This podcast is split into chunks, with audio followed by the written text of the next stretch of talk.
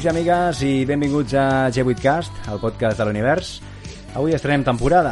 Sí, arrenquem aquesta segona etapa de programes amb moltíssimes ganes i amb les piles ben carregades i la veritat és que volem seguir gaudint d'aquest espai on cada component de l'univers pot dir la seva i on també tenim l'oportunitat d'obrir les nostres idees, opinions i debats a tots vosaltres. Vosaltres, sí, un component importantíssim per l'existència d'aquest projecte i que, per tant, farem tot allò que sigui possible perquè aquest vosaltres creixi i cada vegada siguem més a la família. Va, som-hi! Arrenquem el programa presentant a la gent que tindrem avui fent la patà.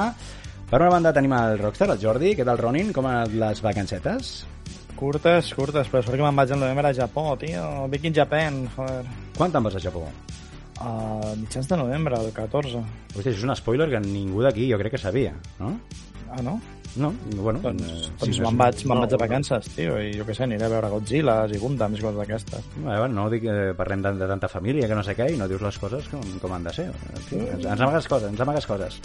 En fi, seguim, seguim endavant. Per l'altra banda tenim eh, el senyor Xavi, la DH. Benvingut a una temporada més, senyor. Este- Com estem? Así es, tío. Buah, perfecte, home. Amb ganes, ganes ja de segona temporada. Molt bé, i tu has de fer algun viatget que ens hagis amagat o no? No, home, tan important com el del Rockstar, no, la veritat. Bueno, bueno, bueno. bueno. Ja està bé, perfecte. Al meu davant tinc l'incombustible Machirito Army, el Carlos. Com va figura?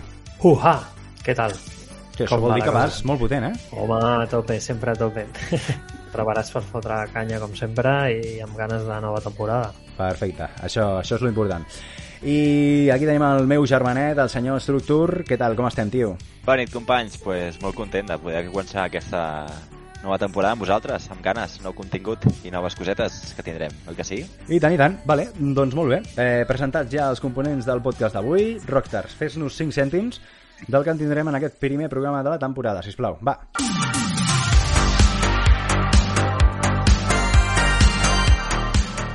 Parlarem de tres temes, els tecles contra els indis, de la seva fiabilitat i el preu contra la tendència i l'originalitat. També parlem de la pujada del preu de PlayStation 5, les seves causes i les seves possibles conseqüències. I per finalitzar, debatrem la realitat virtual d'avui en dia. Molt bé, gràcies Jordi. Eh, doncs va, comencem programa doncs parlant de- d'un dels temes d'efímera actualitat. I quan dic efímera no em refereixo a cap estrena de joc o de hardware, sinó a les principals diferències pel que fa a les polítiques, estratègies, de vegades valors també, que trobem en els videojocs indis, eh, és a dir, els títols fets per estudis més petits i amb un pressupost doncs, una mica més ajustadet i reduït, versus grans produccions de videojocs amb un superpressupost darrere, fets per multis normalment o grans estudis, eh, el que anomenem jocs AAA. I per posar-nos en context de tot plegat, tenim el Carlos i després, doncs, com sempre, ho passarem a la taula perquè tothom pugui dir la seva. Eh, tot teu, Maxirito. Bueno, doncs sí, avui portem a, portem a taula un tema que crec que és bastant interessant, no? Com són els triples A versus, versus indis.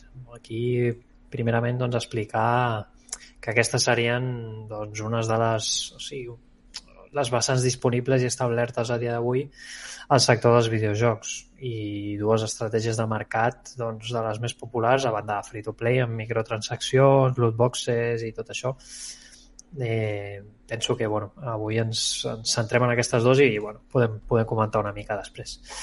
Eh, a veure, poso un context. Eh? Per una banda tenim els, els coneguts triples A, que com la majoria sabem doncs, són desenvolupaments complexos amb molta inversió al darrere, on hi treballen en molts casos doncs, milers d'artistes, programadors, eh, perfils de màrqueting, xarxes socials, eh, un fotimer de gent.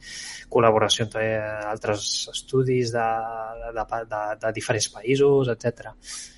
Doncs, per tal d'oferir un producte top amb els estàndards de qualitat que exigeix eh, l'actualitat i posar al límit, en alguns casos, eh, no, no tots, el hardware de, de les consoles, targetes gràfiques eh, que, que hi ha avui en dia al mercat. Eh, aquest producte pues, acostuma a tenir una durada bastant elevada en molts casos, eh, durada de joc, eh, de, l'experiència del joc. I al tenir una inversió que té al darrere, doncs, entre cometes, està obligat a, a vendre's a un preu que ronda pues, generalment 79 euros, 69 o 59, depenent també de, de la plataforma on, on, es, on, es, on es compri aquest joc.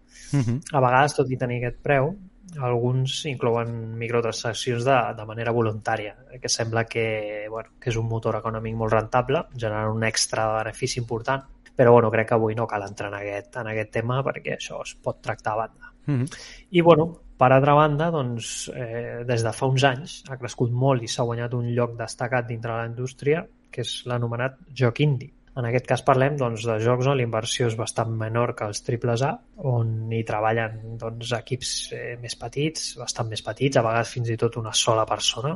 Hi ha jocs d'èxit que només els ha desenvolupat un, un sol pai o una, una sola noia, però són jocs que desborden creativitat amb propostes doncs, molt diverses, les quals volen arribar potser a un públic no tan genèric, no?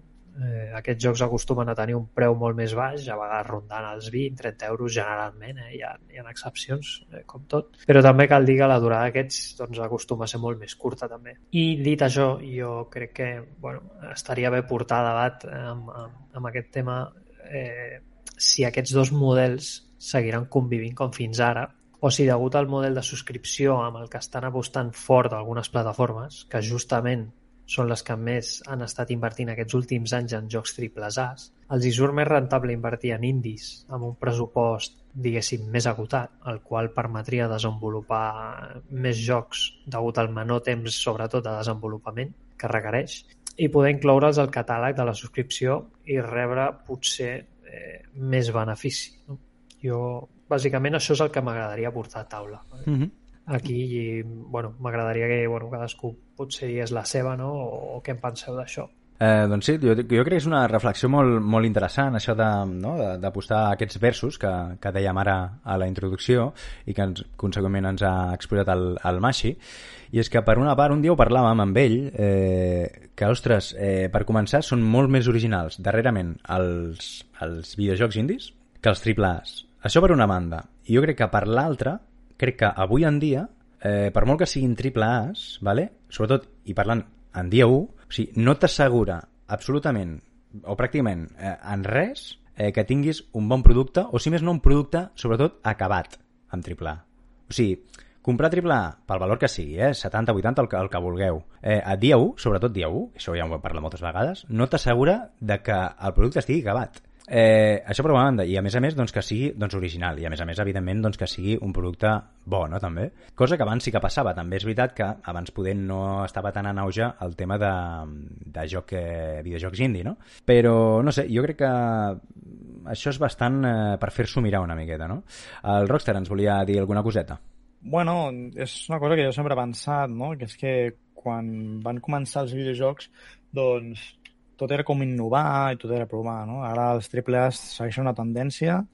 Normalment, de fet, eh, jo crec que des de començaments de Nintendo NES, Master System, seguien sempre una tendència, no? Que si, jo que sé, que si els shoot em ups, que si els jocs de plataformes, els beat em ups, els, jo que sé, fins que hem arribat ara als open worlds, ja tothom treu open worlds, no? I podem veure això, no? que eh, els que innoven, els que intenten cercar una mica tot el tema dels videojocs, el que es podria canviar i modificar, doncs acaben sent els indis.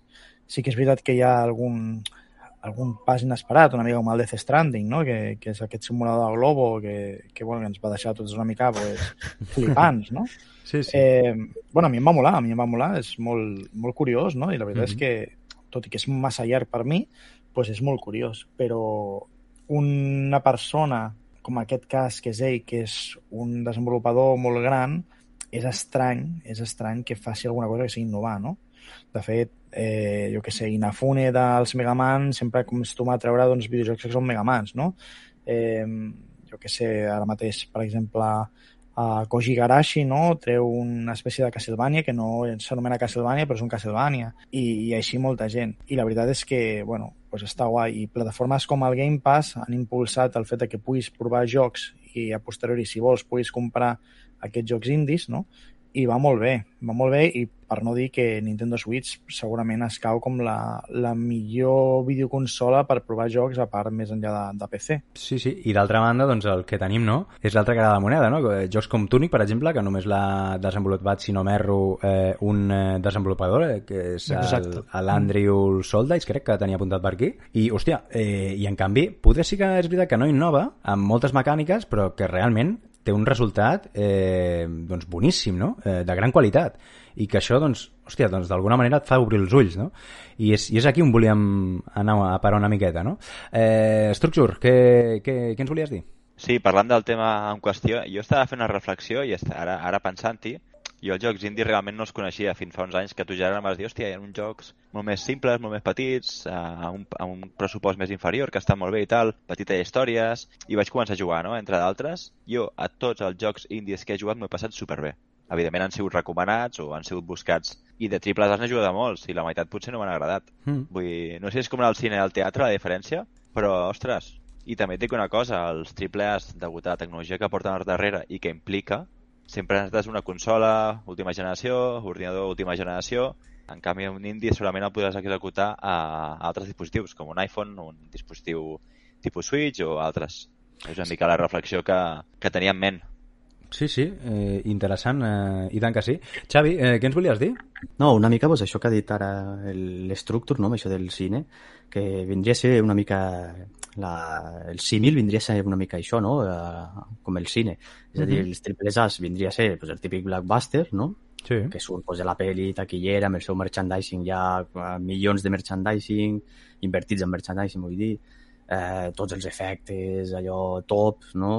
I, i els indis no? vindrien a ser pues, les típiques pel·lis no? que tenen pues, els cinc premis del, del Festival de Canes i Sant Sebastián no? Mm que després ningú li fa cas però després la mires i dius hòstia, peliculons, saps? O sigui, sí, sí. no? Jo faig aquest símil, no? sí, I sí. per altra banda, de cara a la indústria, crec que, el, crec que per mi triomfarà la companyia que més cura tingui agafant aquest, els indis, diguéssim, no? Eh, com ha dit abans el Rockstar, una mica pues, això, no? entre el Game Pass o la Switch, per exemple, que també ho està fent molt bé, no? En aquest aspecte, és a dir, pues, agafar la petita companyia i dir-li, hosti, mira, jo pot- potencio aquí, eh, de preu pues, ja ho parlem, tal, tal, i, i per mi la que tingui més cura d'això és la que tindrà més recorregut. Mhm. I respecte a lo, del, lo de les grans companyies, el problema és que sí que és veritat que tenen el sou assegurat a final de mes, però si ens fixem, moltes de les grans companyies, quan acaben alguns projectes molt grans, molta de la gent important, diguéssim, d'aquell projecte acaba marxant. Acaba marxant per fundar algo més petit. Mhm. Que tenen el lligam de que al ser gran companyia no, no els hi permet tindre la llibertat creativa Clar. el que ells volen. Clar, perquè el que havia a la fi no, és com, jo que sé, si per exemple aquest tipus de joc, eh, m'ho invento, com ara el FIFA, per exemple, funciona, doncs ei, cada, o cada entrega, o per exemple el, el Warzone o el que sigui, cada entrega més o menys doncs serà d'aquest tipus o ha de ser d'aquest tipus, o si més no, en aquesta direcció, no?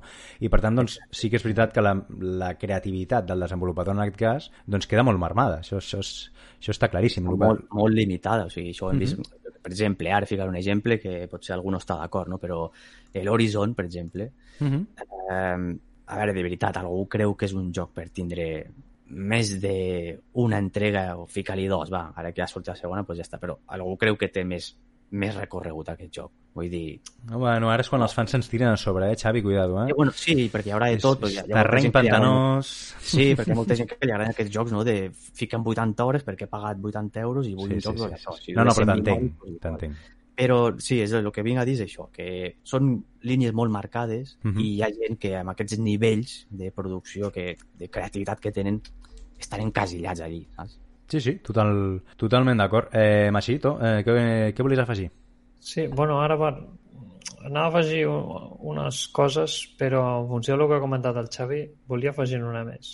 Això que ha comentat ara de l'Horizon, de que si un joc dona per, per una altra entrega més i tal, que l'entenc perfectament, només recordar-li que Nintendo va treure un paio amb un bigoti i una gorra i porta no sé quants jocs, eh? Si aquell paio donava per fer tants jocs com han fet, que Em em sona, fotin eh? un tret ara mateix, eh? Em sona a mi aquest paio. Però dona't compte que sempre ha tingut una variant, és a dir, amb la jugabilitat sempre ha canviat alguna cosa. Sí, sí, clar, clar, sí, evidentment que són enfocs Clar. diferents i èpoques Exacte. diferents i, bueno, però era una, una comparació perquè, bueno, m'ha fet gràcia i, i, i, bueno, crec que venia una mica al pèl amb això. Bueno, en fi, el que volia comentar també és...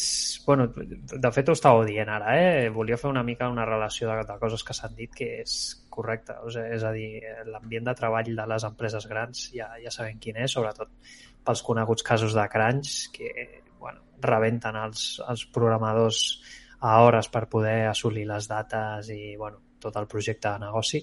I això, a nivell de creativitat, és a dir, tu poder treballar amb total llibertat, amb un ambient de treball bo, quan ets realment un bon desenvolupador o un bon creatiu, hòstia, penso que no té ni punt de comparació. I penso que gràcies a això és on surten les, les, les propostes bones dels jocs indis. I després, per altra banda, una cosa que comentava el Geri, que també bueno, fer esmena una mica aquests jocs que jo li dic bueno, que són com un prova i error, que, que són jocs que surten pelats de contingut, vale? i jo crec que és prova-error per això, perquè si agrada, eh, bueno, se'ls va donant suports durant anys, i si no, bueno, l'hòstia no és tan fort a nivell econòmic per l'empresa. I això, bueno, sembla que accentua el que els està costant ara a les empreses a nivell de calés treure-li benefici no, a tot això, perquè cada cop és més exigent i cada cop és més car fer triples A. Sí, sí, eh, queda dit. Eh, Rockstar, què volies dir per afegir? Sí, ja tanquem el jo, tema. Jo volia, jo volia posar una mica de fil a l'agulla per acabar i, i dir no, que hi ha, hi ha companyies, no, com és el cas de, de Housemark, amb Returnal, que, per exemple, van agafar mecàniques d'un joc indie com és Risk of Rain i les van incorporar a un joc seu amb narrativa, potser el que pecava més Risk of Rain, no? i han transformat aquest joc en un, bueno, un triple A potser no, però un doble A sí, no? I és molt curiós com al final els indis és com serveixen d'influència i d'inspiració als mateixos AAA. Sí, sí, bueno, ara que dius el de Housemark, eh, aquest el Returnal, eh, bueno, eh, crec que va començar la primera tongada aquesta, d'aquesta última, eh, de tongada d'aquests de, de, de roguelikes, eh, doncs va ser Hades, no? Eh, que també és, és eh, ara, ara em direu no, però jo crec que també és indie, no? Eh, o si més no per un estudi petit, sí, o no? M'equivoco. Sí, sí, sí. No, no sé, sí. Jo dic, arrel d'això, després van començar doncs, altres, no? Que és, que és com una manera també de, de dir, hòstia, nosaltres estem aquí i també podem ser referents pel que fa tendències a l'hora de desenvolupar un, jugador, un videojoc en aquell moment, no? I, amb, i hòstia, ara que diu això el, el Rockstar, doncs, doncs m'ha vingut al cap.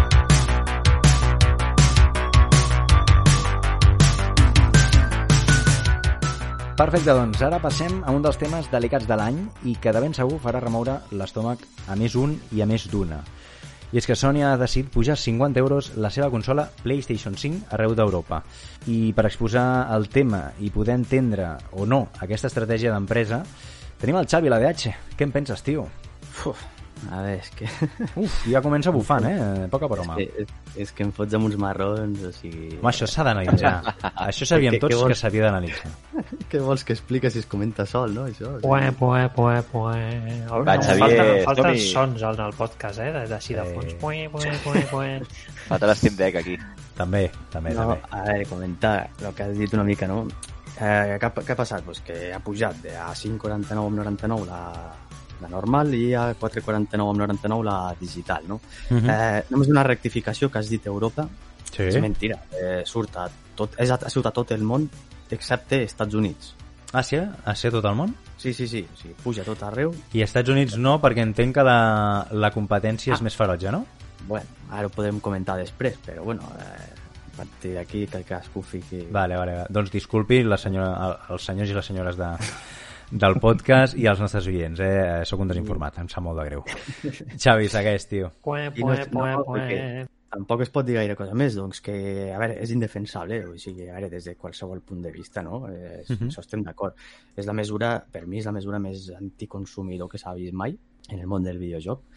De fet, l'altre dia mmm, em van explicar que no hi ha antecedents en tota la història d'una pujada de preu de la consola base Eh, sí que hi ha augment de preu quan hi ha una revisió de la consola. Uh mhm. -huh. Però que s'hagi pujat el preu de la, de la consola base, això no ha passat mai. Per mi el que és pitjor no és la pujada, sinó que, com comentava abans, que no hi veig motius. És a dir, no puc explicar el per què. Mm, des de qualsevol prisma que puguis agafar... Perquè ells, perdona, Xavi, a què ho atribueixen? A la... Ells, a, sí, ells aleguen el tema de la inflació. I la crisi Però... energètica, no, poder? O, o no? Bueno, la inflació és, és, és tot. El tema, o sigui, el tema dels xips i tot això, ho dic perquè la gent... Sí, sí, a, a la inflació fiques tot. Fiques el preu de l'energia, el preu del plàstic, el preu del xip, el preu vale. del cartró, o sigui... Uh -huh. eh, és que no ho sé, jo això no, no, no ho compro, no ho compro perquè, a veure, si les altres companyies no ho han fet. Jo, I jo, el que veig, jo el que veig, perdona, és que, bueno, és més, més o menys el que, el que estava dient abans. I segueixes, si vols, és que si no em perdo, estic, m'estic fent gran una mica i després si no perdo el fil, disculpa. Eh, I és això, no? Per què, o se'ls hi veu el llautó del per què ho pugen a tot arreu, jo em pensava que era Europa, però està a tot arreu, menys a Estats Units. I és claríssim. Eh, una, per una banda, perquè només hi ha una competència ferotge als Estats Units, per tant allà no interessa pujar. Amb, quan dic competència ferotge és amb Xbox, eh, amb Microsoft. I en canvi la resta de, de llocs, com per exemple Espanya, que està a poder un 70-30, no, poder, eh, de Xbox eh, PlayStation, doncs aquí sí, no? que No, potser, poder, sí, sí. Saps? A veure, jo m'acabo d'inventar també els 100%, eh? però digue-li 60-40. Eh, però que evidentment s'estan venent més PlayStation 5 que Xbox eh, doncs, Series S i Series X eh, i, i, i, hòstia, llavors és com se us veu molt al llautó, però és que els és tan igual que, perquè saben que vendran igualment la, la consola i això fa com una mica de, de, eh, de, de que el jugador tingui una mica d'antipatia cap a PlayStation, no? I, i no mola, tio, no mola, no sé. I que això, eh, és que això no pot, o sigui, per mi això no ho pot fer Sony, o sigui, una, una companyia com Sony no pot dir això, o sigui, això m'ho pot dir, què et diré, eh, el que fa les consoles retro que a vegades hem analitzat aquí, Sí. no? Aquestes que, ho fan amb crowdfunding, no sé què, hòstia, Sí, les maquinoles, sí, veus, sí. què. Les maquinoles que diem, pues, això sí, però, però Sony, o sigui, a veure, fes el que vulguis, però no puja el preu de la consola base, base. és a dir, fes fora 10 executius, tio, redueix el packaging com ha fet Nintendo, eh, puja el preu dels serveis, eh? el, el, el, el plus, pues, puja Mm. el tio, el Sí, vulgui sí. li interessarà, el pagarà. Puja, per exemple, els accessoris, el comandament, 50 euros, fica-la 60, ja està aquí, necessita un comandament, el comprarà, no passa res. Sí. Però la consola base no me la pugis. Sigui, la consola, la qual l'any passat, que he mirat els, els documents, van dir que ja donava beneficis, no em, pot, no em pots ara de dir que, que a la inflexió, hosti, te'l pujo perquè és que si no, no, no arribem a final Sí, de sí. mes. o Com, tio, saps? Sí, sí. I a sobre, és el que comentaves, no? que eh, diuen que ha sigut una situació global, però és el que, eh, el que dius tu, que sorpresa, als Estats Units no. Eh? Mm. Llavors, oh, és, que, és que el dòlar està imparable. Ah, vaya, hosti, però... Maya, Maya, no? Però, clar, vaya, vaya, però al, al, al, al de, als de l'Atam, eh, als de l'Atam els hi puges 50 pesos o el que tinguin als seus, als seus llocs amb la misèria que tenen allí, de sous, Ja, de sous, ja... Però, és una morterada. I ara em sumo, i ara em sumo el que acabes de dir ara al final, que per mi no és el pitjor. És a dir, el pitjor per mi és que no, pa, no passa res. És a dir, aquí no passa Clar. res. Clar. Que és PlayStation, que està sola i que no hi ha competència. És a dir, a, a, és això, aquest motiu que hauria de servir per penalitzar l'empresa, com has dit tu, i deixar-la mig morta, sincerament, perquè 50 euros, hòstia, piquen, eh? Doncs Sí, es, sí, queda, i tant. es, quedarà, es quedarà en res perquè resulta que tenim a Nintendo, que està a una altra lliga, vale? o sigui, ni millor ni pitjor, eh? aquí no estic entrant en això. Està en una altra lliga, juga, juga sol, és com el Madrid a la Champions, juga sol. Nintendo va pel seu... Bueno, sol i amb els àrbits, eh, a vegades. Perdó, perdó, perdó. És que... me'n vaig, me'n vaig. Digues, digues. Però, però vaja, que és el que parlem, que ni millor ni pitjor, però va al seu, al seu rotllo, vale? I després tenim Xbox, que està pues, per altres coses. Està venent el Game Pass i intentant que surti i- IPs per, per igualar-se d'aquí uns anys i tal. Llavors, què passa? Que aquí PlayStation està comodíssima a la poltrona i fa el que vol. Ja està. Sí, Sí. És això. I el que dius tu, que no, no penalitzarà i la gent, ah, pues 50 euros més, no passa res. No, no, eh, està claríssim. I a part que jo crec que amb tot això de l'energia, de la crisi d'ener- de- d'energia i tal, tenien un molt bona oportunitat per dir, ei, que com han fet, per exemple, PlayStation, ai, PlayStation, Xbox, i jo crec, no sé si també ho va fer Nintendo, no ho sé, ara, ara em, em rectificareu si, si m'erro, de dir, ei, eh, nosaltres no el pugem, que també és veritat que ha sigut arrel, no?, per fer una mica de màrqueting, tal qual, de Sí, sí, saber la, clar. la notícia, no? Però en lloc de fer això, dir, ei, doncs traiem, no pugem, i, hòstia, fem-nos valer, no? Traiem pit i diem, ei, passa això, sapigueu que, jo què sé, encara que s'ho inventin, és igual, que, tenen, que no tenen gaires beneficis, si més no, eh, els beneficis prous dels que tenien estipulats, d'aquesta manera no estem guanyant tant, i, i, ei, i no pugem el preu. També és veritat que fan un anunci d'aquests eh, i la gent també diria, home, és que només faltaria, no? Doncs sí, doncs està passant, està passant, senyors. Eh, Marc, eh, Structure, digue'n. Sí, uh, total d'acord amb el que dieu i ho comparteixo, però des de la vessant econòmica us vull girar a truita també una miqueta. El giró de la truita, Ah, a veure. El giro de truites. Venint de pandèmia, després de la pandèmia hem tingut una crisi de recursos naturals, entre d'altres el silici, que és el que fa produir xips, augment de preus, guerra entre Rússia i Ucraïna i una inflació del 13%. Això fa que pugin els preus a tot el món. Vull dir, el que, pa... o sigui, el que ha passat a PlayStation per mi és normal. El que no és normal és que Xbox, per exemple, i altres uh, no, no ho hagin fet. O sigui, que al final la pregunta potser és al revés, que això també ho haurem de mirar. Uh, com comentava el Geri, Xbox i altres no han fet perquè han cregut que aquesta inflació la guanyaran fent promo de que no pugen preus i guanyaran adeptes, i jo crec que a més Play seguirà venent consoles pugi 100 euros més perquè saben que les vendran igualment. D'altra banda, esteu comentant que Amèrica no té pujada de preus. Recordeu que hi ha una guerra Amèrica-Xina per la fabricació de xips. Xina està donant una mica la mà a Amèrica perquè li deixin vendre tecnologia a la resta del món, com la prohibició de fabricació de xips. Aquí pot haver-hi alguna cosa, segurament. Podria haver-hi alguna cosa.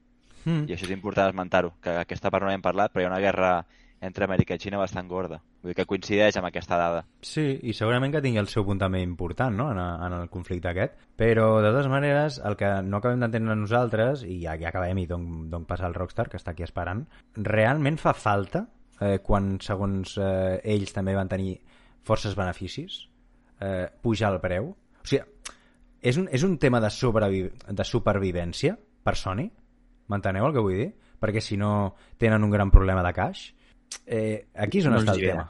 Sí, no els hi ve d'aquesta pujada. És que és això. No els, no els hi ve d'aquesta Que una empresa que, jo que sé, que fabrica, jo que sé, els plàstics de les targetes GTX d'NVIDIA, per, per exemple, m'ho invento, eh, m'ho estic inventant tot, doncs que pugin aquest preu, doncs, hòstia, doncs ho, no, ho veig més normal, perquè tampoc seria poder una multi, seria una, una gran empresa, però una multinacional, no? I, I no sé, fins on està el límit no, de poder abusar del consumidor. És una mica entre, no, el barem entre el que és el tema moral i el tema merament empresarial o econòmic en aquest Sí, sentit. sí, no? correcte. No, jo crec que, que el que no sabem és si realment estan, volen guanyar més diners o volen recuperar pèrdues. Si pèrdues segurament no en tindran. Són inversions uh, multimilionàries i són guanys multimilionaris. Crec que no sé si està al llindar entre guanyar més o, de, o recuperar una mica aquest marge d'inflació. Això no ho sabrem. A Vale. nivell moral, evidentment, és un, és un punt negatiu respecte a la competència i això crec que s'haurien de mirar perquè al final és un valor afegit per a altres empreses com Xbox, Nintendo, etc. Mhm. Deia Xavi. que no, que, que, que, que l'usuari normal és que no ha, de, no ha de saber, no té per què saber totes aquestes coses, tio. L'usuari normal ha vist que li pugen 50 euros i que, i que lla- eh, Sony li fot una, un clatellot. Si tu ets un usuari de PlayStation i t'han fotut un clatellot. Només veus això, o sigui, no tens per què saber si el xip va més car, si no sé què, saps? Sí, bueno, això des de la visió això, del és- consumidor, sí. Sí, sí, això és Clar, veritat. o sigui, la gent normal de peu, tio, veu que l'han pujat 50 euros i diu, bueno, vale. Vaya putada, no? Però també segurament aquesta gent normal de peu diu, bueno, la compro igualmente. Saps? És que d'això... I, és que I en castellà ho diu, eh? Ho diu en castellà. És clar. que d'això, al final. Play té això, com, com si fossis adepte de Xbox i et pugés. Podia haver passat al revés, eh? I podia haver sigut Xbox i seguirien comprant Xbox. Mhm. Sí, sí. Rockstar, digue'ns. Bé, volia fer un parell de comentaris. Una és que dista molt d'aquell missatge que va fer fa molts anys quan va entrar la primera PlayStation 1, no? que van sortir abans de Sega Saturn i van dir allò de eh, 299 dòlars, no? i es van pirar. Uh, en aquest cop, en comptes de que costi 100, 100 dòlars més econòmica el que costava Sega Saturn, no? han pujat 50 euros no? al, al seu preu. I clar, la gent es va quedar en aquell moment, no? Va ser un moment com molt suposo que molt remarcable, no? I que s'ha quedat molt a la, a la història, no? A la retina de, de l'usuari. Ara, quan pugin això, doncs la gent pues, ho veurà com ho veu, no? Conec a molta gent que s'ha marxat a Xbox pues, perquè, jo què sé, no vol gastar, perquè vol tirar el Game Pass, veuen que ja hi ha un, un plantell de videojocs que està molt bé, i, i que amb aquestes coses pues, suposo que també faran que migrin una mica cap aquí, que també que migrin cap a, cap a ordinador, cap a PC.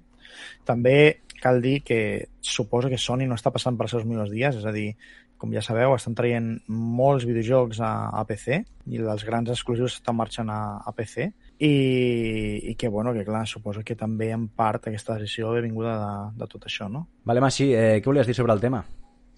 Pues, des del meu punt de vista que no té gens de sentit. O sigui, no té gens de sentit des del punt de vista del consumidor, eh? jo no, no acabo d'entendre. Que no, no, vull, no vol dir que no estigui justificat, eh? pot tenir els seus motius. Però jo és l'únic dispositiu que conec a dia d'avui que ha pujat el preu. Que s'hagi sapigut. Vale? O sigui, o ho han fet molt malament o és una pujada injustificada, no sé, eh, penso. I més, si als Estats Units no es puja, no sé, algú, alguna estratègia eh, es tracta, però, però vamos, jo penso això. Però és que si a mi em preguntes si ha pujat algú a part de, dels impostos que paguem eh, d'aparells electrònics em refereixo, eh? eh mm -hmm. si ha pujat algú eh, no, només tinc notícies de la Play 5 que hagi pujat. Llavors, no sé, per mi és molt, molt estrany. Sí, sí, és que ni, ni, ni l'aspiradora de casa meva ha pujat de preu, saps? Vull dir, Exacte. no sé, a veure, també és veritat que no va amb, amb targetes gràfiques, però, hòstia, bé va, bé va d'anar amb alguna cosa. De fet, els PCs han baixat de preu. Sí. És veritat, Sí, tio. Que sí que és veritat gaming. que això el, el que li afecta era el, va ser el, tot el tema de les criptomonedes, la mineria, etc etc, el tema del, del silici i, i tot el que vulguis. Però bueno, o sigui, Mhm. està bastant millor de preu que abans.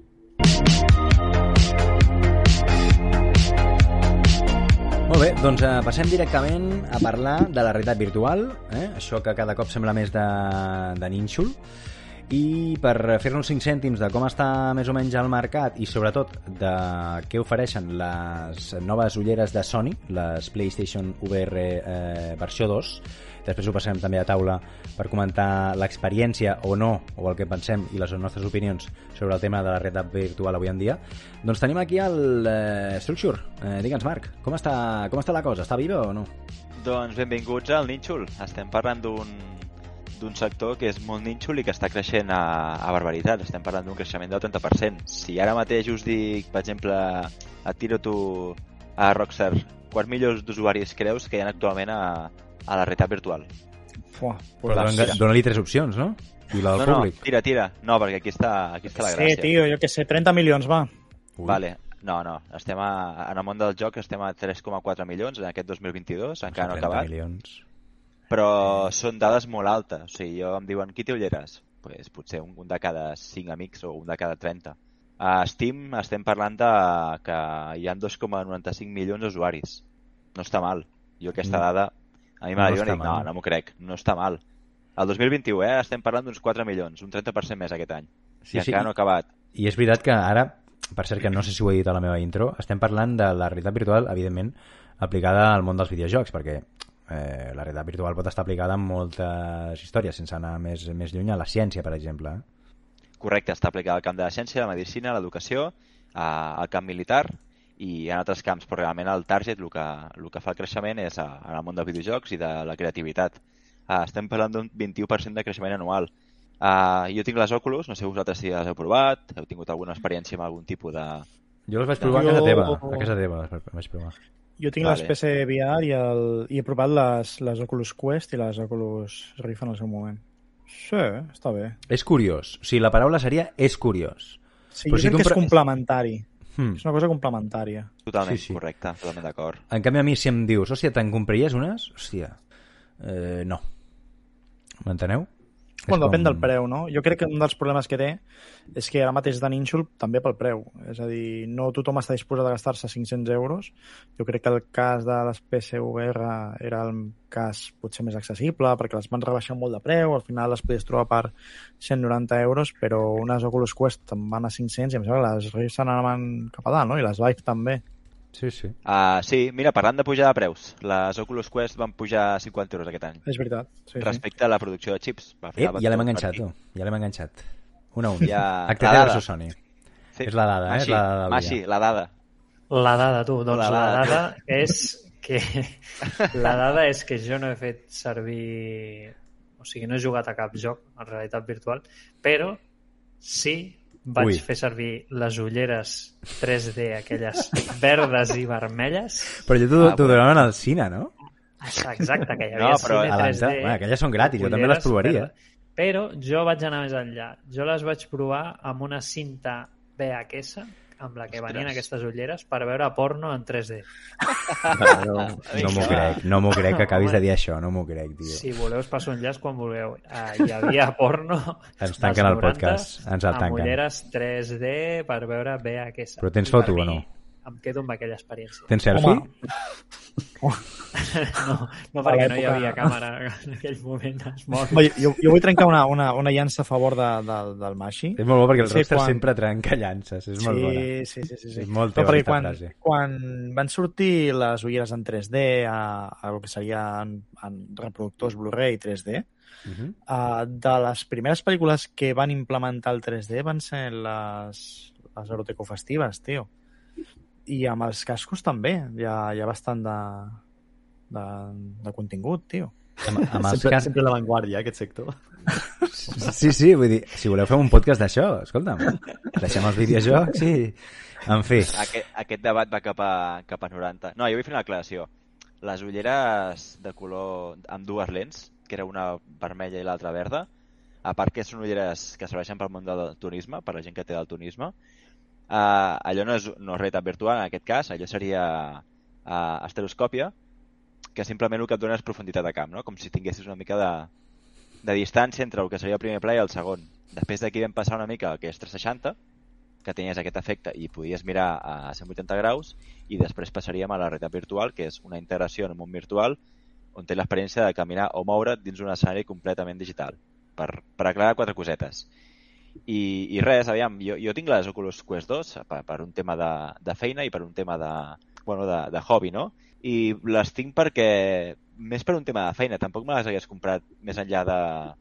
per provar-les, eh? perquè crec que és un preu bastant alt, perquè per aquest preu pots tenir una consola, tranquil·lament, i és un nínxol, al final ho has de provar. Sí que és veritat que la gent que conec que les té i juga molt, però molt, o sigui, és adepte a aquest tipus de producte, però la gran majoria, bueno, l'experiència d'un amic que té unes, que no sé què, i, i ha provat porno, això tots ho hem escoltat. Sí, millor.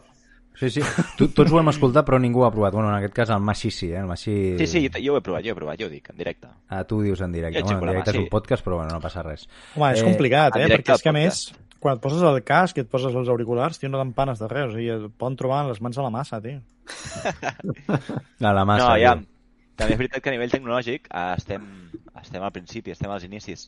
Uh, estem per mi a l'època dels Sony Ericsson, dels Nokia 3210 i d'aquest moment. Vull dir, si t'ho plantegen així, dius, vale, quan les ulleres no pesin, quan jo en tingui unes per 200 euros amb una qualitat d'un iPhone, segurament a qualsevol museu, qualsevol teatre o entitat o centre d'oci en tindrà. Llavors segurament sí que estarem parlant d'una integració a nivell social, però ara hi ha molta, sobretot molta capi- capitalització, hi ha, hi ha molta inversió en aquest, en aquest nínxol, també produït pel concepte del metavers i aquesta faràndula que no sabrem com acabarà, però que bueno, la gent s'està deixant la pela. La gent Mm. s'està deixant la pela i, i no...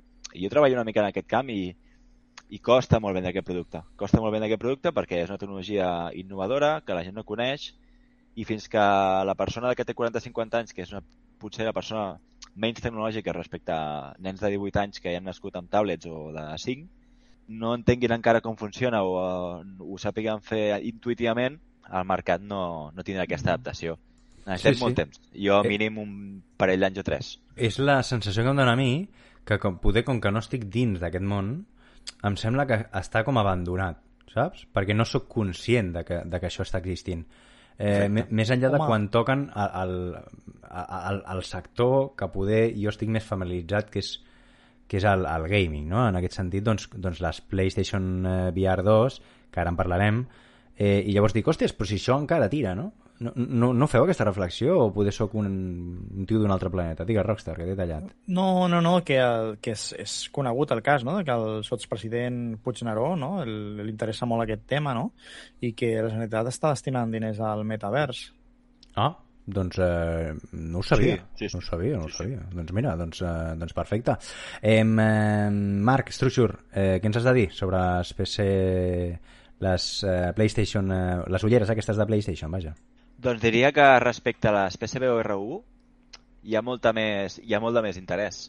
Primer perquè ha passat el temps, hi ha més adeptes i gent que vol provar. Segona perquè la campanya comercial crec que ha sigut molt més potent, hi ha molt més enfocada a la gent que realment li interessa i crec que han fet una campanya una mica més oberta a altre sector de, de gent, de públic, que realment encara no tenia aquest interès. Uh, a nivell tecnològic ve amb totes les característiques i una mica més que els seus competidors, com podrien ser les Oculus Quest o les Valve de les Index, les de Valve, l'empresa de Steam. Mm -hmm. I bueno, anirem per, a, a nivells generals, eh? hi ha un altre capítol i en parlem més. A nivell de, de lents anem a 4K, anem a tracking d'ulls, vol dir que hi haurà dues càmeres internes que t'estaran traquejant l'iris perquè no tinguis l'efecte de, de borrositat vale? a la Mhm. resta de, de la pantalla, que és un dels, més, un dels problemes més, Sí, on la gent es marejava, poder, no? Sí, però això és un tema ja d'adaptació, de que Ah. t'has d'estar amb elles un temps. A mi em va passar. O sigui, fins Ah, que no portava un mes, el cervell, pues, no, no s'acostuma de a aquest no? tipus de... Sí, que has d'ajustar molt bé el, el FOB, és un tema que encara això li, a la gent li expliques i la gent diu no, no, ja, ja m'has cansat. I no, té, té, té, té, té porta tu. No, no, això és un problema, perquè al final si tu fiques un dispositiu i funciona i no, i no passa res, la gent ho prova. Però ja si t'explica què és el FOB, que hi ha diferents distàncies d'ulls i que, i que certes coses, especificacions tècniques, això fa tirar enrere, és normal. Mm. I jo ho entenc. Però bueno, a nivell general són aquests dos grans trets, no? l'augment de d'aquesta qualitat a 4K, dos, uh, seria 2K per cada lent, la reducció del pes i de les dimensions, que això sí que és un, un tret diferencial respecte a les, a les anteriors. Uh, el problema d'abans també del pes és que teníem unes lents que no eren Fresnel i feien com 4 centímetres. Ja estem parlant d'unes lents una mica més en les Fresnel, no? que serien unes lents de, de mil·límetres. A poc a poc la tecnologia va evolucionant i a partir d'aquí pues, suposo que anirà agafant adeptes. Sí que com a nota negativa eh, diem que les, les PSVR 2 no tenen processador, simplement és una extensió de la consola, o sigui, anirà amb un cable, mm. que és una cosa que, que crec que aquí han anat una mica justos, però respecte a tot l'altre eh, es fiquen capdavanters durant uns mesos, perquè ja sabem que aquest últim trimestre surten les Meta Quest Pro, i el primer trimestre de 2023 surt Apple, que aquí... Ah, aquí... sí? Sí, sí, sí, sí. Apple treure de les seves? Apple treu lo seu a principis. Evidentment estem parlant d'unes PSVR a 500 euros respecte a unes Meta a 1.000 euros respecte a unes Apple a 3.000. Evidentment, a 3.000 són mercats diferents, eh? Però, jo, mare de Déu. Però, bueno, que clar, bé, eh? No, funciona, no funciona l'OBS, però... Estem parlant d'un mercat professional, estem parlant del, sector del luxe, estem parlant del sector del luxe, realment. Sí, bueno, ja, sí, sí, sí, no sé, és que realment el target de 3.000 euros per unes uh, ulleres de realitat virtual, més enllà hi de ha, ser... Hi ha de una fer... cosa que, que a mi em va sobtar molt i que em va, em va molar, i és que deixem enrere els, els Wiimotes, tio, els, els Wiimotes, els Move. És un Però- comandament més semblant a les Quest. Ah, No, no, no sé, jo no estic en aquest camp. Què són els, Sí, és el canvi de, de, Mm. dels mandos, els comandaments, els han Ah. canviat i els han fet Ah. més tipus uh, mando Més- estàndards, no?, com ha creat Mhm. Quest. Més ergonòmics mando- o alguna així? O... Sí, a, Sí, a, sí, sí. al final s'ha quedat com aquest tipus de mando estàndard, no? Mm. Aquesta forma que serà estàndard a tots, més o menys, perquè la gent ho ha acceptat i diu, hòstia, això funciona, doncs anem per aquí. Mhm. tenen Evidentment. sticks ara, no? Sí, han aplicat la tecnologia de, de, de, del Sense, no? de, de PlayStation, o sigui, la, el tema àptic també el tindràs al casco i, a la, i als comandaments, Hòstia. tindràs els joysticks amb la mateixa vibració i tindràs la reacció de, de, de la mà amb respecte a, no? a, aqu- a aquestes sancions àptiques. Llavors, en aquest aspecte, Play uh, ja, ja passa amb la resta de consoles, no? Xbox té un mando per mi convencional encara, avui en dia, a part de l'Advance, i PlayStation té un plus, i amb, amb les ulleres passa el mateix. PlayStation té les ulleres que seran estàndard a totes, però amb aquest plus d'aquests mandos, amb aquestes interaccions amb l'usuari, que això a nivell de d'immersió en l'UR pues, farà molt. Sí, no? Perquè I la mateixa integració que té, perdona, amb, amb, els mandos ho té el cap. O sigui, tota la vibració també et va al cap. Hòstia, no sé fins a quin punt eh, ha de ser còmode això també, eh? Cuidado, eh? Perquè Si, si vas amb un Fórmula 1 i te la fots, per exemple, per exemple, eh? Hòstia, si se't mou tot el cap. Eh, en fi, eh, Machirito, què vols? Bueno, eh, res, per acabar amb aquest tema de les VR, una mica donar la mini opinió, no? que jo crec que, bueno, que és, és un sector, encara crec que a dia d'avui una mica de nínxol, però per diversos eh, factors, no? un d'ells, eh, evidentment, el preu, un altre, eh, el tema de, dels cables. No sé si no he indagat massa perquè jo tampoc sóc massa fan d'això. Sé que hi ha jocs que bueno, m'agradaria jugar, però penso que no em compensa el preu que haig de pagar per, per algun joc puntual, no? I penso que aquest és un altre dels factors que fan que sigui més de nínxol. I, i el que deia dels cables, fins que no siguin 100% crec que inalàmbrics, el pes de l'aparell, eh, que, que no sigui una cosa tan engorrosa, Correcte. penso que, que també serà un altre factor molt, molt decisiu. Sí, sí. bueno, Jo, jo parlava això del cable perquè jo tinc les Quest 2 i les Quest ja no venen amb cable. Tens opció de tenir el cable, però tenen l'opció d'Airlink que ja funciona sense cable. I per mi el cable és un, és un pas enrere. A més, el cable el tens, suposo que l'hauran fet, crec que per sortir de per enrere, per enrere, que no molesta. Perquè No ho sé, ja et dic. imatges que... No, no he estat massa al cas, eh? però Eh. bé, jo sé que és un factor superimportant, eh? sobretot per la comoditat i per poder, com a mínim, tenir una llibertat de moviment sense haver d'estar limitat. I, I el factor dels jocs no, no, no, ho, no, no ho contempleu? Perquè o sigui, jo el que... Jo tampoc els he provat ni, ni res, eh? Però el que veig és que va haver un moment que va, va ser com un punt d'inflexió quan va sortir el, el Half-Life Alyx, no? Mm. I, hòstia, a tothom li va volar el cap amb les opcions que et donava, hòstia, una passada, el com recarregaves, agafaves objectes, no sé què. I la gent es pensava que a partir d'allò aniria cap amunt, de Sí. dir, hòstia, ara tots els jocs agafaran aquest model, Jo era el primer. i, i, no he, vi- i no he vist res més jo. O sigui, jo no he vist res més igual. Ara, No, ara no, jo- surt, jo has de conformar en agafar un arc i, i, i fer el moviment de l'arc, i dius, oh, tia... I dius, home, això l'Àlex ho va fer 3 anys, fa, fa 3 anys, tio. És Home, que jo- l'Àlex la van clavar massa, crec, per, Per què sí? per tema OBR, perquè jo Sí. vaig estar veient directes i era espectacular. Jo l'he Sí, provat. va- Jo l'he provat i per mi l'Àlex, bueno, per mi no, és, està definit com el millor joc de VR i ara estan produint el 2. Hi ha molts jocs, com la Star Wars, que també el vaig comprar i l'he jugat. I si vols immer uh, immersió en un joc, realment t'has de ficar unes ulleres. Però això no, no significa que tenir aquesta inversió tindràs el tant per cent de, de jugadors, perquè actualment, com deia el Maxi, eh, són incòmodes. Quan passa més de mitja hora realment pots suar, si tens ulleres et molesten, el pes crec que actualment encara és incòmode. Sí que és veritat que el pes de les VR no ha de ser, perquè estem parlant que les Oculus porten un xip. I llavors, clar, eh, pesa més i perquè són standalone, van autònomes, i tens una durabilitat de 45 minuts aprox, no? Depèn de quin contingut faci servir. Amb les PSVR al final és una extensió de la tele. I recordeu que tindran mode cine també. O sigui, tu pots jugar al joc de la tele com si tinguessis un cine dins panoràmic o pots jugar al joc de PSVR. Sí, Ah, podràs tenir els, el, el mode aquest cinemàtic que es diu per jugar a jocs de la consola dins Ahà. o tenir el mode VR directament per jugar a algun joc.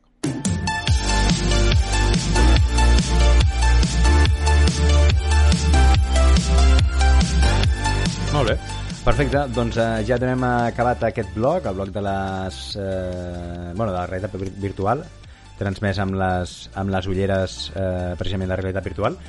I ja per encarar la recta final del programa, proposarem, recomanarem doncs, jocs que estiguem jugant ara mateix, dels presents, o jocs potser que ja ens hem passat o que fa temps que ens hem passat i els volem recomanar a, a l'audiència. Comencem, si us va bé, pel Xavi. Xavi, digue'ns. Bé, doncs, eh, va, comento el Triangle Strategy, que Vinga, he jugat i me l'he passat per Nintendo Switch. Vale, som davant d'un dels que segurament sortirà a les quinieles pels GOTY, en alguna categoria, val? No dic que millor joc, però segur que està per allí en alguna categoria. El joc és un... Estem, bueno, estem davant d'un joc que és un mix de RPG, visual novel i amb combats tàctics. Per què destaca Triangle Strategy? A veure, per, primer perquè entra pels ulls. És, tenim un joc que és eh, fet amb un pixel art eh, molt xulo, on pots moure la càmera lliurement i veure tots els detalls dels escenaris, com estan fets i tot. Eh, no és el millor que he vist, però si el jugueu en portàtil, en mode portàtil, es veu de, de, bueno, veu de luxe, val? I l'exemple que es podria ficar així més similar perquè la gent ho entengui seria el, com l'Octopath Traveler. Ah, Seria maco. un estil, un estil molt similar amb aquest. Val? Maco, doncs, maco. Però en el joc on destacaria jo que és el punt fort és amb la història. La història del joc és una barreja entre Joc de Trons, amb drames familiars i de més coses, que fan que si un cop estàs allí no, no el pots deixar. O sigui, t'atrape. Val? Uh -huh. La diferència que el joc et permet escollir el camí que vols seguir. És a dir, no és un joc lineal, sinó que en determinats moments del joc tu has de recollir informació, preguntar a la gent, als companys, i llavors prendre una decisió. Però que no serà definitiva tampoc, perquè després de passar per aquest sistema entres en un sistema de votació amb els teus aliats, que tu hauràs de convèncer o no, els convenceràs, vale? els pots convèncer o no, i llavors el teu resultat que tu tenies pensat fer per continuar la història del joc pues, se pot torcer, perquè els teus aliats han pres una altra decisió. Val? Llavors canvia totalment el, el camí que tu volies prendre. Clar, això també té uns problemes no? que he vist jo, que a vegades hi han votacions que et fa fer el joc de coses bastant intrascendents que dius, bueno, això potser no cal votar-ho, no? I llavors hi ha moments al joc que són bastant importants i allí és el protagonista el que decideix i dius, bueno, vale, això m'agrada, m'hagués agradat votar-ho, però... vale, Important, tira endavant. eh? Important. Tira endavant, vale. Però vaja, eh, això no resta, vull dir, és una tonteria, vull dir, és molt entretingut, igualment. Eh, són combats tàctics molt entretinguts, et permet escollir els membres amb els que tu vols iniciar la lluita, segons les característiques que tenen, tots són diferents, i tots tenen les seves, els seus atacs, les seves màgies, vull dir, has d'anar combinant, fer combos, val? I, eh, i per acabar, els elements RPG que venen de la mà d'uns quadres de millora dels personatges que permet donar pues, lo típic, no? més potència d'atac, més moviment, eh, dany màgic o similars. Vale? No és res nou, però tampoc és farragós, val? i amb els menús són molt, molt amigables. Vull dir que això que la gent no es preocupi perquè vull dir, és molt, molt simple. Val? Eh, poca cosa més, vull dir, pot semblar un pal, que així, així explicat pot semblar un pal, perquè sembla com... Hosti, eh, això No, sembla no, no. avorrit. Quantes hores hi has fotut, per exemple? Doncs mira, aquest joc he ficat... M'he passat eh, la primera partida, la vaig fer amb 55 hores. Com primera partida? Val.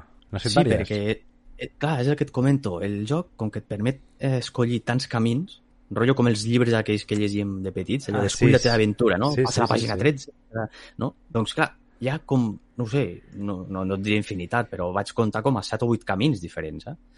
Llavors, clar, cada camí porta un final diferent i, i, a, i a conèixer a persones, a personatges diferents, també. Clar, i també, no, lucrar-te més de, del lore, de la història, això... Exacte, hi ha moltes coses, puntet, no? jo- Sí, sí. Exacte. Jo hi ha moltes coses que la primera partida em vaig quedar amb dubtes, no? De dir, hòstia, això, a veure com ha acabat aquest territori o com ha acabat...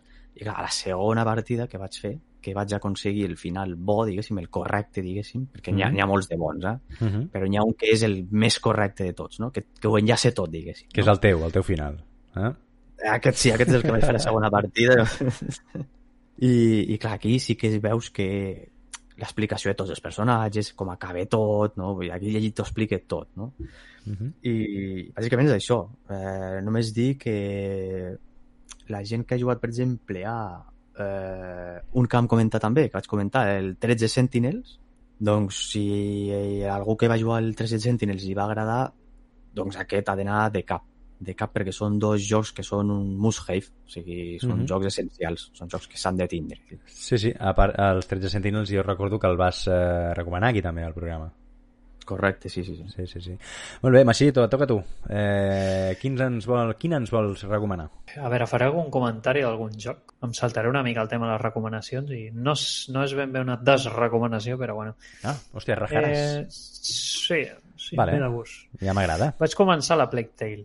Ah, vale. Atenció. Ja sé per on bueno, vas. va, Bé, Ja sé. vale. Ja per començar, els jocs de sigil, bueno, tampoc és que... Bueno, a tu, tu no t'agrada. L'Horizon, l'Horiz- l'Horizon, el, el Zero Dawn, eh, bueno, eh, jo vaig tirar, jo em anava a rebentar tots els bitxos ja el del tirón. Però bueno, tens l'opció, no? En aquest cas, bueno, has de menjar sigil sí o sí. Bueno, Uh -huh. eh, aceptamos pulpo. Eh, el problema, que ja portant 5 hores de joc, bueno, al final feta una situació, fetes totes, escenari, bueno, no escenaris, però sí situacions massa repetitives, les mecàniques de prova-error sense sentit, eh, bueno, eh, al final la història és xula, bueno, li, els personatges i tal, bueno, té, tot té bona pinta, però bueno, m'ha fet deixar el joc, eh, les mecàniques i bueno, que no, no m'estava aportant absolutament res la jugabilitat. I moltes situacions de has de tirar foc en allò, eh, però fins que no has provat 4 o 5 coses diferents no saps què havies de fer allò i no, no sé, és com bueno, i a vegades no entens per què has de fer allò quan pots haver fet una altra cosa amb més sentit Uh -huh. tenint les eines que tens, però per collons has de fer allò, i, bueno, no sé, situacions molt així que, bueno, penso que mermen una mica l'experiència. Ei, que, bueno, que ja es conec amb molta gent que li agrada i guai, eh? Ojo. Dit això, eh, un dels que, que penso que han de ser els goti d'aquest any és que ah. aquest també l'he jugat aquest estiu, el senyor Gatet, el recomano moltíssim aquest joc, però molt, Jo el tinc pendent, Molt. jo el tinc pendent, la molt, veritat. molt, molt, molt. Jo tinc a Tot. la cistella també. L'entorn, eh, la jugabilitat, eh, l'originalitat, eh, la història, tot. Molt, molt, molt bon joc. Em va al·lucinar.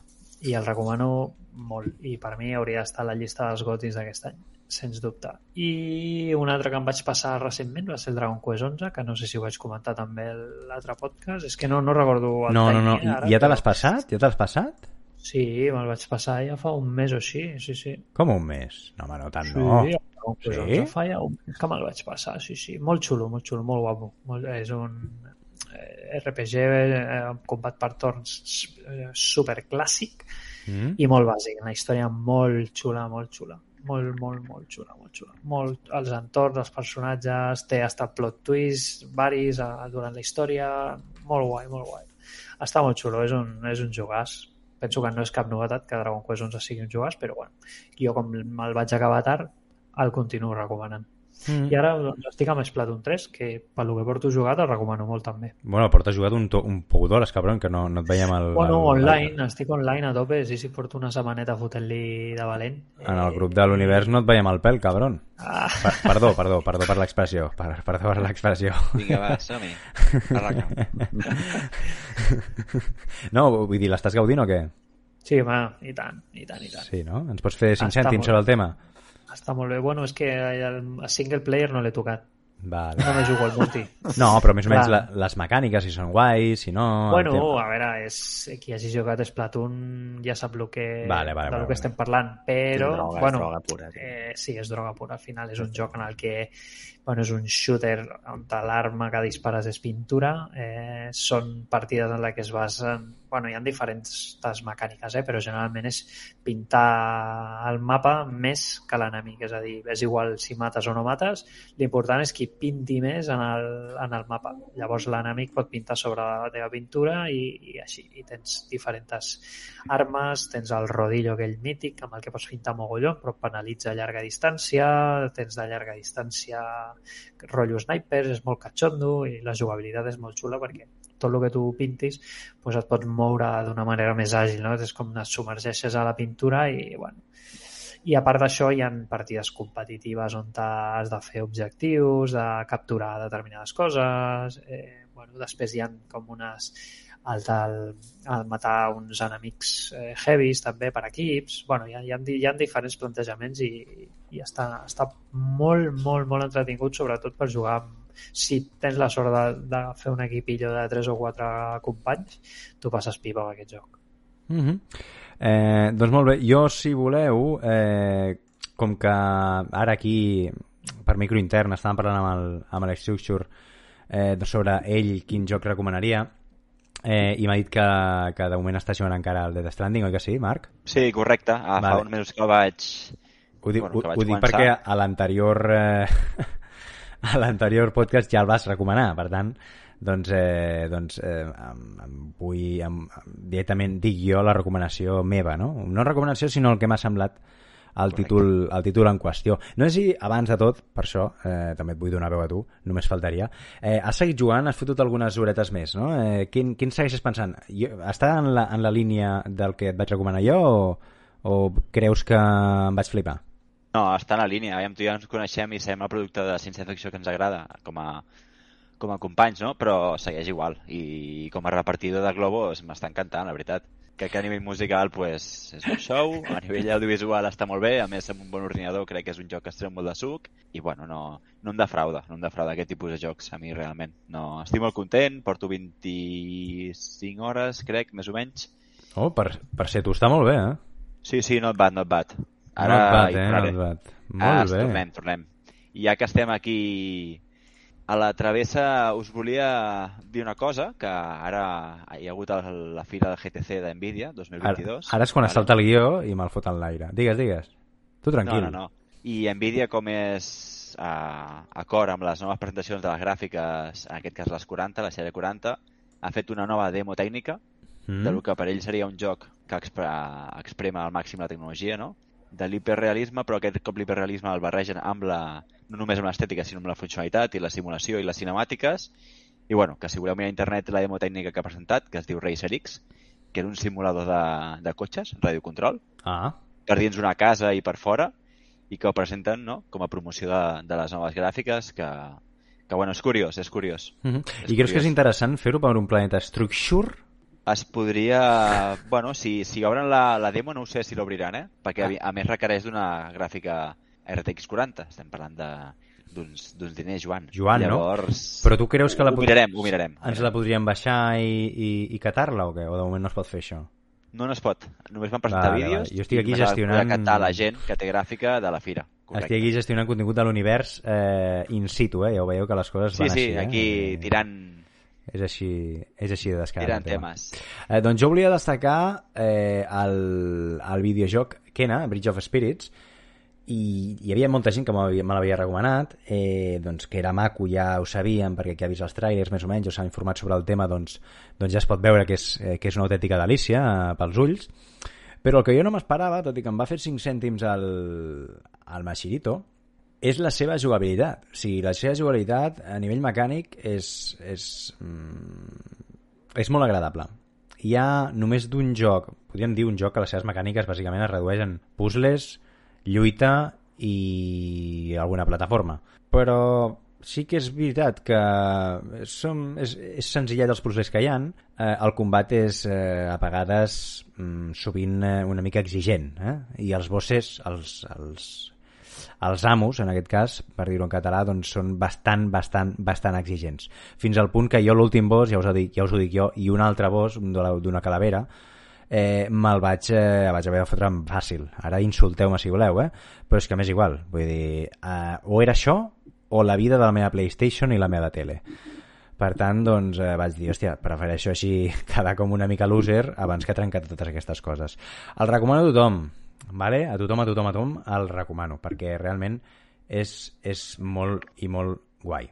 Eh, Rockstar, què ens volies recomanar, tio? Que tu sempre tens bona, bona vibra per aquestes coses. Sí, sí, sí, m'alegra que em facis aquesta pregunta, perquè el primer que vull com, que volia recomanar és Fortnite. Ei! I, i sí, sí, Epa. sí, sí, sí, sí. Joan, bona nit, no? Sí, sí, sí. És un joc que vaig dir que mai més tornaria a jugar. Vaig jugar fa molt de temps amb la comunitat de Nintendo Hype Mm -hmm. i, i vaig pensar, joder, vaya ñordolo. I, i, I bueno, què? anys després, uh, no fa gaire, doncs uh, vam tornar a jugar amb el, amb el Joan, al Radar, i està el mode aquest sense construcció, que és més Battle Royale a, a tope, i la veritat és que em vaig enganxar. Més tard va arribar el tema d'aquesta temporada, o com vulguin dir-li, no? l'esdeveniment de, de Bola Drac, Mm que va ser molt interessant i vam, bueno, vaig, fer, vaig jugar bastant. És un joc que jo crec que a priori és entretingut per jugar amb col·legues, eh, passes l'estona i guai. Més enllà d'això no, no, no hi ha gaire on rascar, la veritat. Però és divertit, és divertit i a més és un joc que no hi existeix el paint to win, és a dir, eh, it paint, perdó, el pay to win. T'hem entès, Eh, t'hem entès. sí. bueno, paint to win Vull ja dir- les planto, les Vull dir que plato. no cal, no cal. Pay per que sí que- pay. el que sí cal és ser una persona destra, no? Però, bueno, mica en mica jo crec que un es va fent i tal. I, i bueno, pues, recomanable si us agraden els jocs de, de gameplay i tal. El, el Mashi jo crec que, no sé si ha jugat massa, però si no, suposo que és un joc que li podria arribar a molar. Això per una banda. Per una altra banda, eh, l'altre joc que he escollit és el Xenoblade Chronicles 3. Uh, no sé si el coneixeu, ve d'una antiga... Bueno, és una saga ja, que és la saga Xeno, en la qual va començar amb Xenogears a PlayStation 1, Xenosaga a PlayStation 2, i més tard va arribar a Wii, Xenoblade Chronicles, i a Switch, bueno, ha sortit el remake de Xenoblade Chronicles, més el 2 i el 3, i l'expansió que va sortir, del torna del 2. Um, són tres històries, tres històries entrellaçades, les del Xenoblade Chronicles, i, i bé, és, és, és, molt, és molt anime, és a dir, si us agraden els animes o si algú li agraden els animes pot tirar per aquí. Um, en el cas del primer, sobretot, tenia un plot twist al final del joc que era bastant, bastant, bastant sorprenent. Jo crec que és un dels millors JRPGs que he jugat en ma vida. Tenia una cosa que em tirava molt enrere, i és que a mi els MMORPGs no m'agraden gens. Té un estil de lluita que, que és semblant a un MMORPG, i a mi això en principi em va tirar molt enrere, però, bueno, vaig estar jugant al primer i després vaig veure que la història pintava guai i em vaig enganxar. I la veritat és que el 2 va millorar molt el tema del gameplay, les lluites, Uh -huh. i sobretot la història, el propi lore dels, del lore dels personatges, no? que és una cosa que, que el fallaven al primer, segurament. I en aquest tercer és una mica que han fet un mig-mig entre l'1 i el 2, i de moment també he de dir, anava a dir, costa d'arrencar, però és que vaig per al capítol 4, porto 80 hores, 80 hores, no, 70 hores, perdona, i, i estic fent una mica de cartografia i fent missions secundàries. És que jo quan veig un xirimbolo que apareix allà amb el color groc i em diu, epa, escolta això, que faràs una missió secundària, doncs em poso a fer-la un boig. I, I és molt divertit, molt divertit, però per la part negativa, és a dir, si té uns gràfics que són molt guais, té una història molt maca, els personatges estan molt ben fets, bla, bla, bla, bla, arribem al punt negatiu del joc, que normalment aquestes coses no, no es comenten, i és que tenen unes missions secundàries que són una bazòfia. És un problema que ha tingut sempre la seva, bueno, des de Xenoblade Chronicles Us, tenen unes missions com una mica de, de fermets, de trobar eh, pues, jo que sé, ítems per fer algun tipus de missió o entregar-li alguna cosa, i és una merda. És una merda punxar un pal, és anar allà i fer això o carregar-te un bitxo. L'altre dia el, el Jerry i jo estàvem parlant del Final Fantasy VII Remake i comentava que les missions secundàries són una mica dolentes, no? I jo li vaig dir, ostres, vaig pensar, doncs aquest no ha jugat al Xenoblade Chronicles, perquè aquestes sí que són apastoses, no? I és que, a més, eh, no afecten res o no aporten res al lore, només hi ha unes missions que són les missions d'herois, no? que són una missió heroica, em sembla, que aquest sí que expandeix una mica la història, et presenten nous personatges i t'expliquen el seu rerefons. És l'únic tret negatiu que li puc tirar al joc. La veritat és que mm, em sorprèn que Switch arribi a tirar un joc tan vast. Són pantalles molt grans, es veu molt bé, un cel shading molt cuidat, que dius, ostres, eh, és estrany, no?, que hagi arribat a tant. I, a més, eh, no sé si ho sabíeu, però és dels pocs jocs que hi han darrerament que no pateix un downgrade, sinó que va patir un upgrade. És a dir, es veien millor del que van dir, perquè van dir que, bueno, que havien vist que podia millorar i van millorar-ho. Sí, sí, això no és històric, això, eh? Això és històric. Sinó que, a més, també van avançar la sortida del videojoc, que és una altra cosa super rara, no? Perquè normalment els jocs eh, es pateixen de delays i en aquest, en aquest cas no, el van avançar, em sembla que van ser dos mesos, amb la qual La eh, majoria sí.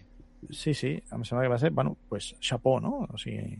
I, bueno, pues, aquests són els meus dos escollits. També podria dir que he jugat a l'eFootball, però, bueno, eh, està bé, és un joc que està bé. El volies catar, no, només, poder? No, no, no, he jugat molt, eh? He jugat moltíssim. O sigui, anava, estava a tercera... Graderia. No, Ah, és a tercera divisió mundial, tio. Ah, està bé, A és tercera- online, és online. Sí. Sí, de moment només hi ha, hi ha competició i algun esdeveniment per, que sé, per treure punts o, o entrenament, jugadors, etc. Vale. Però hi ha 10 divisions online mundials, estava a la tercera, o sigui, déu-n'hi-do, eh? Que veus, eh? Molt bé, gràcies Rockstar, interessantíssimes com sempre les teves eh, reviews barra Ah. recomanacions.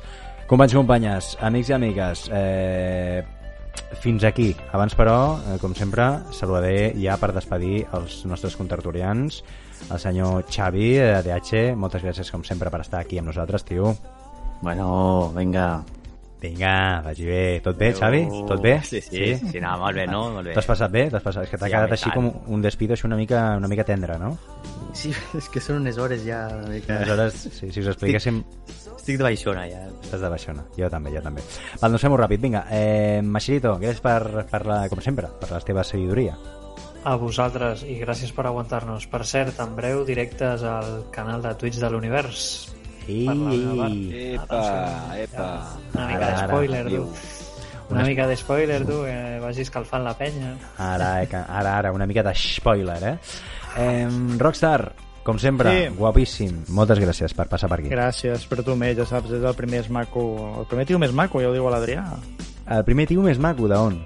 Sí, de, de, de, bueno, de l'univers segur i després pues, de, del món del streaming català. Molt bé. bueno, és que, a veure, és difícil també. Després jo vaig jo, eh? Però donen algun premi per això o no? eh bueno, tu en tens un, no, ara? Sí, però no d'això. De què és el que tens? Tu no, tenim ara. tots el premi. Tenim tots el premi, que per Ah, cert ja, l'altre dia ja. em va arribar el... Com es diu això? El, El certificat. el diploma, el certificat, sí, de, el diploma. Som diplomats, tu. de millor, De millor. videojoc català de videojocs, sí, sí. Uh, sí, sí. Millor canal català de videojocs. Correcte, Clar, el, tinc, tio. el tinc aquí penjat, no, no penjat, però sí com mig apoyat. Sí, sí, que Sí, enhora, enhorabona, tio, enhorabona. Pues Bueno, mira, hem no. d'anar a fer la birra, hem d'anar a fer la birra, sí o sí. Sí, hi, ha més, hi ha més motiu per birres, clar que sí.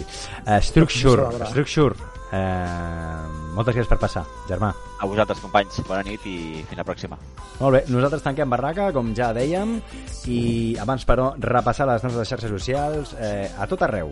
Univers barra baixa G8CO i tenim eh, doncs, Instagram, tenim Twitch, tenim YouTube, evidentment, i tenim Instagram. També, si voleu seguir-nos al dia a dia de l'univers, que pengem cosetes també bastant interessants, o si més no ho intentem a nivell fotogràfic i de realitat virtual, ai, de fotografia virtual, perdó, al nostre Twitter, ens diem de la mateixa manera, eh, univers barra baixa G8CO. Que vagi molt i molt bé. Adeu, adeu.